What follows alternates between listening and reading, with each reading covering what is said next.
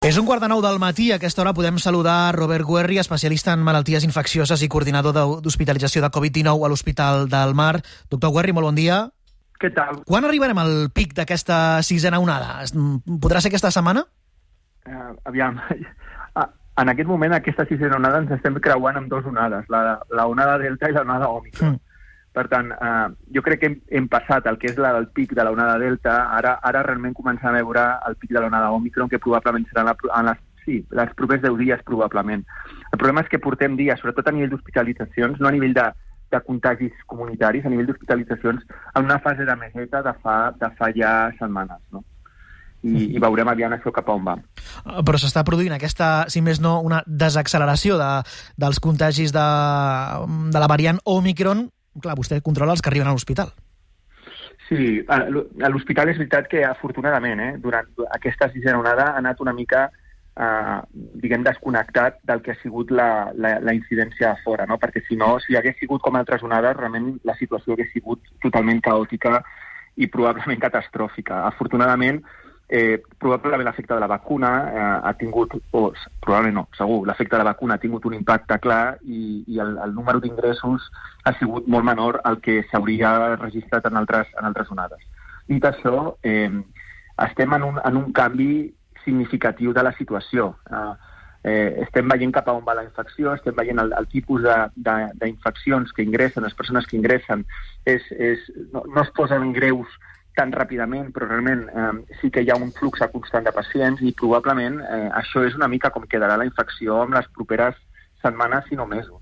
És a dir, un, un flux tot, tot, tot, el, tot i el que passi fora de persones que malauradament es van infectant i van ingressant. Diu que si no fos per les vacunes la situació als hospitals seria eh, de col·lapse, seria catastròfica. Amb el ritme d'augment de contagis actual, hi ha alguna mena de risc que, que hi hagi una saturació dels hospitals? Perquè ara tenim mil, eh, gairebé 1.700 pacients als hospitals, 443 a l'UCI, un 37% dels llits UCI estan ocupats per a pacients eh, Covid, un 11% dels llits dels hospitals catalans estan ocupats per a pacients Covid. Hi ha risc de col·lapse?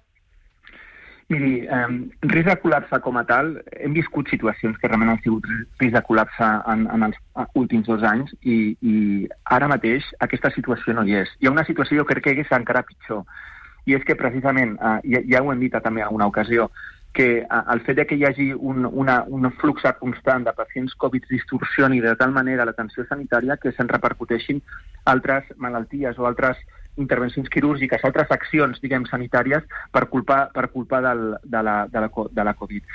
Una situació de, de, de catàstrofe, de caiguda del sistema de caos, no. Però una situació de, de disrupció i de, i de malfuncionament del sistema per causa d'això, sí. Per això és tan important intentar controlar la, la infecció de portes a fora del sistema sanitari. No? La primària en aquest moment està saturada. Sí, la primària està realment saturada per això. Els hospitals tenim, com, com que la infecció va a més càmera lenta i ens permet d'alguna manera preveure com aniran les coses, tenim temps d'adaptar-nos i d'alguna manera d'adaptar els recursos humans i els recursos, diguem, físics. Però el que és veritat és que això repercuteix clarament en altres malalties i en altres, en altres patologies que han de ser ateses i que, malauradament, eh, se'n veuen afectades per culpa d'això. Aquesta setmana s'hauria de començar a notar eh, el toc de queda o la limitació a 10 persones a les trobades socials, eh, si funciona o no? Eh, aviam, uh, la, miri, totes les... És veritat que abans dèiem que quan una mesura es posava en marxa doncs, els efectes els veiem en 10-12 dies després. Probablement en aquesta variant eh, l'efecte es veu abans perquè va tot molt més ràpid. És a dir, els períodes, el, el període d'incubació és més curt, el període diguem, de desenvolupament de símptomes és més curt i probablement la sortida de la infecció també és més curta. Per tant, tot probablement va molt més ràpid i probablement els efectes ja els estem notant, no? Tota aquesta baixada de contagis i aquesta baixada que s'està detectant probablement ja, ja té en part efecte de les mesures que es van posar en marxa. Mm-hmm. Li preocupen les cavalcades d'aquest dimecres? Bueno, no, no és que em preocupin. Aviam, malauradament eh, hem de continuar vivint, no? I al final és, és trobar l'equilibri entre... Tinguem clar que aquesta infecció, i tal com està, estarà, estarà entre nosaltres bastants, bastant de temps, no? Per tant, hem de viure amb això. Clar, evidentment, prohibir o no fer les cavalcades probablement en aquest moment no sigui una opció. El, dit això, les grans aglomeracions de gent, amb moltíssima gent, amb una variant tan absolutament contagiosa com és la variant aquesta, eh, ja podem d'alguna manera garantir que això és garantia d'un increment molt significatiu del número d'infeccions. Mm. Això ho hem de tenir ben clar. Mm. Molt contagiosa, però segons els primers estudis, i no sé si vostè, per la seva experiència a, a l'Hospital del Mar, doncs ho pot confirmar, menys greu, és a dir, és una infecció que no baixa als pulmons, la variant Omicron? Miri, hi ha, hi ha dos escenaris diferents. Eh, si, si em pregunta per les persones del meu voltant, és a dir, persones sense malalties prèvies i vacunades que han agafat la malaltia i que l'han cursat, l'han cursat d'una forma lleu o molt lleu, i això és, això és un fet si em pregunta per les persones que ingressen a l'hospital, mm. vacunades o no, és a dir, però que tenen altres malalties o que tenen altres condicions que fan que la situació es pugui posar en pitjors situacions, li dic que no és tan benigna com es, com es diu. No? Mm. És, és a dir, és una infecció en un moment donat es pot posar greu i, de fet, està portant persones a la UCI. El que sí que és veritat és que la, la presentació clínica eh, i, i l'evolució clínica és més lenta, és diguem, no és, no és tan agressiva com les prèvies, això sí que ho podem dir, però en un moment donat, a una persona en, un, en una circumstància determinada la pot posar en una situació molt delicada i això realment és el que ens preocupa, perquè amb el gran número d'infeccions que hi ha en aquest moment, per probabilitat, per petit que sigui aquest número, en, veure, en veurem moltes ara, no? I això és el que, això és el que estem, d'alguna manera, eh, bueno, dient, que, que hem d'anar en compte amb les, amb les infeccions de portes en fora del sistema sanitari. Mm. Eh, doctor Guerri, creu que perilla la tornada a l'escola prevista per, a, per la setmana que ve? Jo, miri, eh, soc pare dos fills, eh, i, i, i jo, eh, l'entorn de l'escola és un entorn que el veig segur. Eh, al final, eh, estem en, jo, jo crec que tancar les escoles eh, hauria, hauria de ser absolutament l'últim recurs que s'hagués de fer probablement els nens, eh, eh, i més amb les circumstàncies, amb els pares treballant i tota la història, estan més segurs en un entorn de l'escola que es pugui fer els, uns determinats circuits controlats i de més, que no pas eh, no sabem ben bé exactament a on. No? Per tant, jo crec que la tornada a l'escola s'ha d'intentar preservar. Ara parlàvem que a Israel s'ha descobert aquest nou cas de doble infecció simultània, eh, de Covid i de grip a, a l'hora, ja ho han batejat com a florona. No sé si n'hi pot haver casos a, a Catalunya, si ens n'hem de preocupar. Miri, eh, segur. Eh, és a dir, no necessito ni... Evidentment, segur que n'hi haurà.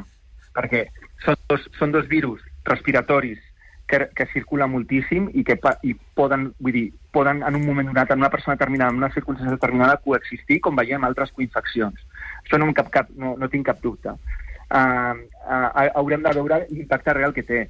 Miri, eh, encara no hem començat a veure l'increment de les xifres de la grip, perquè la grip habitualment precisament comença després de Nadal, no? L'última setmana de gener, les primers de febrer, quan realment comença a haver casos de grip i, la, i realment uh, l'epidèmia anual de grip doncs, uh, es, es manifesta més violència. No? Hem de veure què passa quan s'ajuntin les dos, els dos virus circulant de forma molt intensa, no? si és que aquest any també circula la grip, com, com l'any passat no, no ho va fer. Nosaltres, miri, a, a, la, a la setmana passada, en la, que és l'última guàrdia, hem diagnosticat dos pneumònies per grip. Que, que això de vegades sembla que la, no, la pneumònia viral només fer per Covid, no, no, també la grip també ho feia, això, no? I, i, i, i, i en veiem. Si comença a circular, doncs veurem aviam, aviam què passa. Pot passar i, per tant, haurem d'estar alerta, hem d'estar vacunats per la grip i, i evidentment, pel Covid, i després, doncs, en un moment donat, doncs, pot requerir ingrés hospitalari, òbviament. Eh, si l'Omicron sembla que ja és el virus amb, amb una capacitat de propagació més ràpida de, de la història, superant fins i tot el, el sarampió, amb aquest augment tan gran de contagis, i, i li ho pregunto pel, pel que està passant a, a Israel, i, i sé que és una pregunta recurrent que ja ens vam fer, eh, recordo també a la primera onada, eh, es produirà, es podria arribar a produir una immunització massiva? És a dir, allò que dèiem, eh, és com una grip. Arribarà el moment, eh, si aquesta variant Omicron és eh, menys greu en aquests casos eh, doncs, eh, de gent sense malalties prèvies i i, gent vacunada, podríem arribar a aquesta immunització massiva simplement pel, pel contagi? Miri, eh, el, el virus eh, buscarà la manera de, de propagar-se i d'estendre's. De, I això és el que està passant amb, amb les seleccions de les, de les, de les variacions no, que s'han produït, doncs el virus ha fet molt més transmissible. Això probablement passarà, és a dir, estem veient com, està, com d'alguna manera eh, hi, ha, hi ha un número eh, altíssim d'infeccions que fins i tot eh, poc sintomàtiques o asimptomàtiques i ho veiem molt. Per tant, és possible que el virus acabi escampant i que tothom en un moment o altre acabem d'entrar en contacte amb el virus, sobretot si està circulant tant. Això no significa que ara, en aquest moment, ara mateix, haguem de fer una no? una, una política de de, de deixar que això circuli, perquè el gran problema que tenim ara, o que hi ha ara, és que si s'infecta si un milió de persones de cop, eh, per petit que sigui el percentatge de persones que acaben hospitalitzades, seran moltes persones sí. que acabaran hospitalitzades. I això és el que pot, d'alguna manera, produir un col·lapse que preguntàvem abans del, del sistema. No? Jo crec que eh, evidentment el virus escamparà i el virus continuarà, continuarà la seva propagació perquè és la, diguem, la seva forma de supervivència i ho està fent, i ho estem veient en tot l'entorn, però jo crec que eh, encara li hem de posar barreres per evitar que es produeixin moltes infeccions no? sincronitzades alhora i que això pugui fer perillar l'atenció la, sanitària. Dit això, probablement sigui, sigui el, el futur i cap a on vagi la, aquesta infecció i que quedi d'alguna manera una infecció, doncs això ja s'ha dit també, endèmica, que vagi circulant i que, i que doncs bé, que quedi entre nosaltres. el gran problema -huh. és que hem de veure si poden haver reinfeccions, poden no haver reinfeccions, és a dir, hem de veure una mica eh, la, la, el perfil, diguem, eh, immunitari poblacional que queda del virus. Robert Guerri, especialista en malalties infeccioses i coordinador d'hospitalització de Covid-19 a l'Hospital del Mar. Gràcies, com sempre, per respondre les preguntes del matí de Catalunya Ràdio. Molt bon dia. Gràcies a vosaltres. Bon dia i bon any.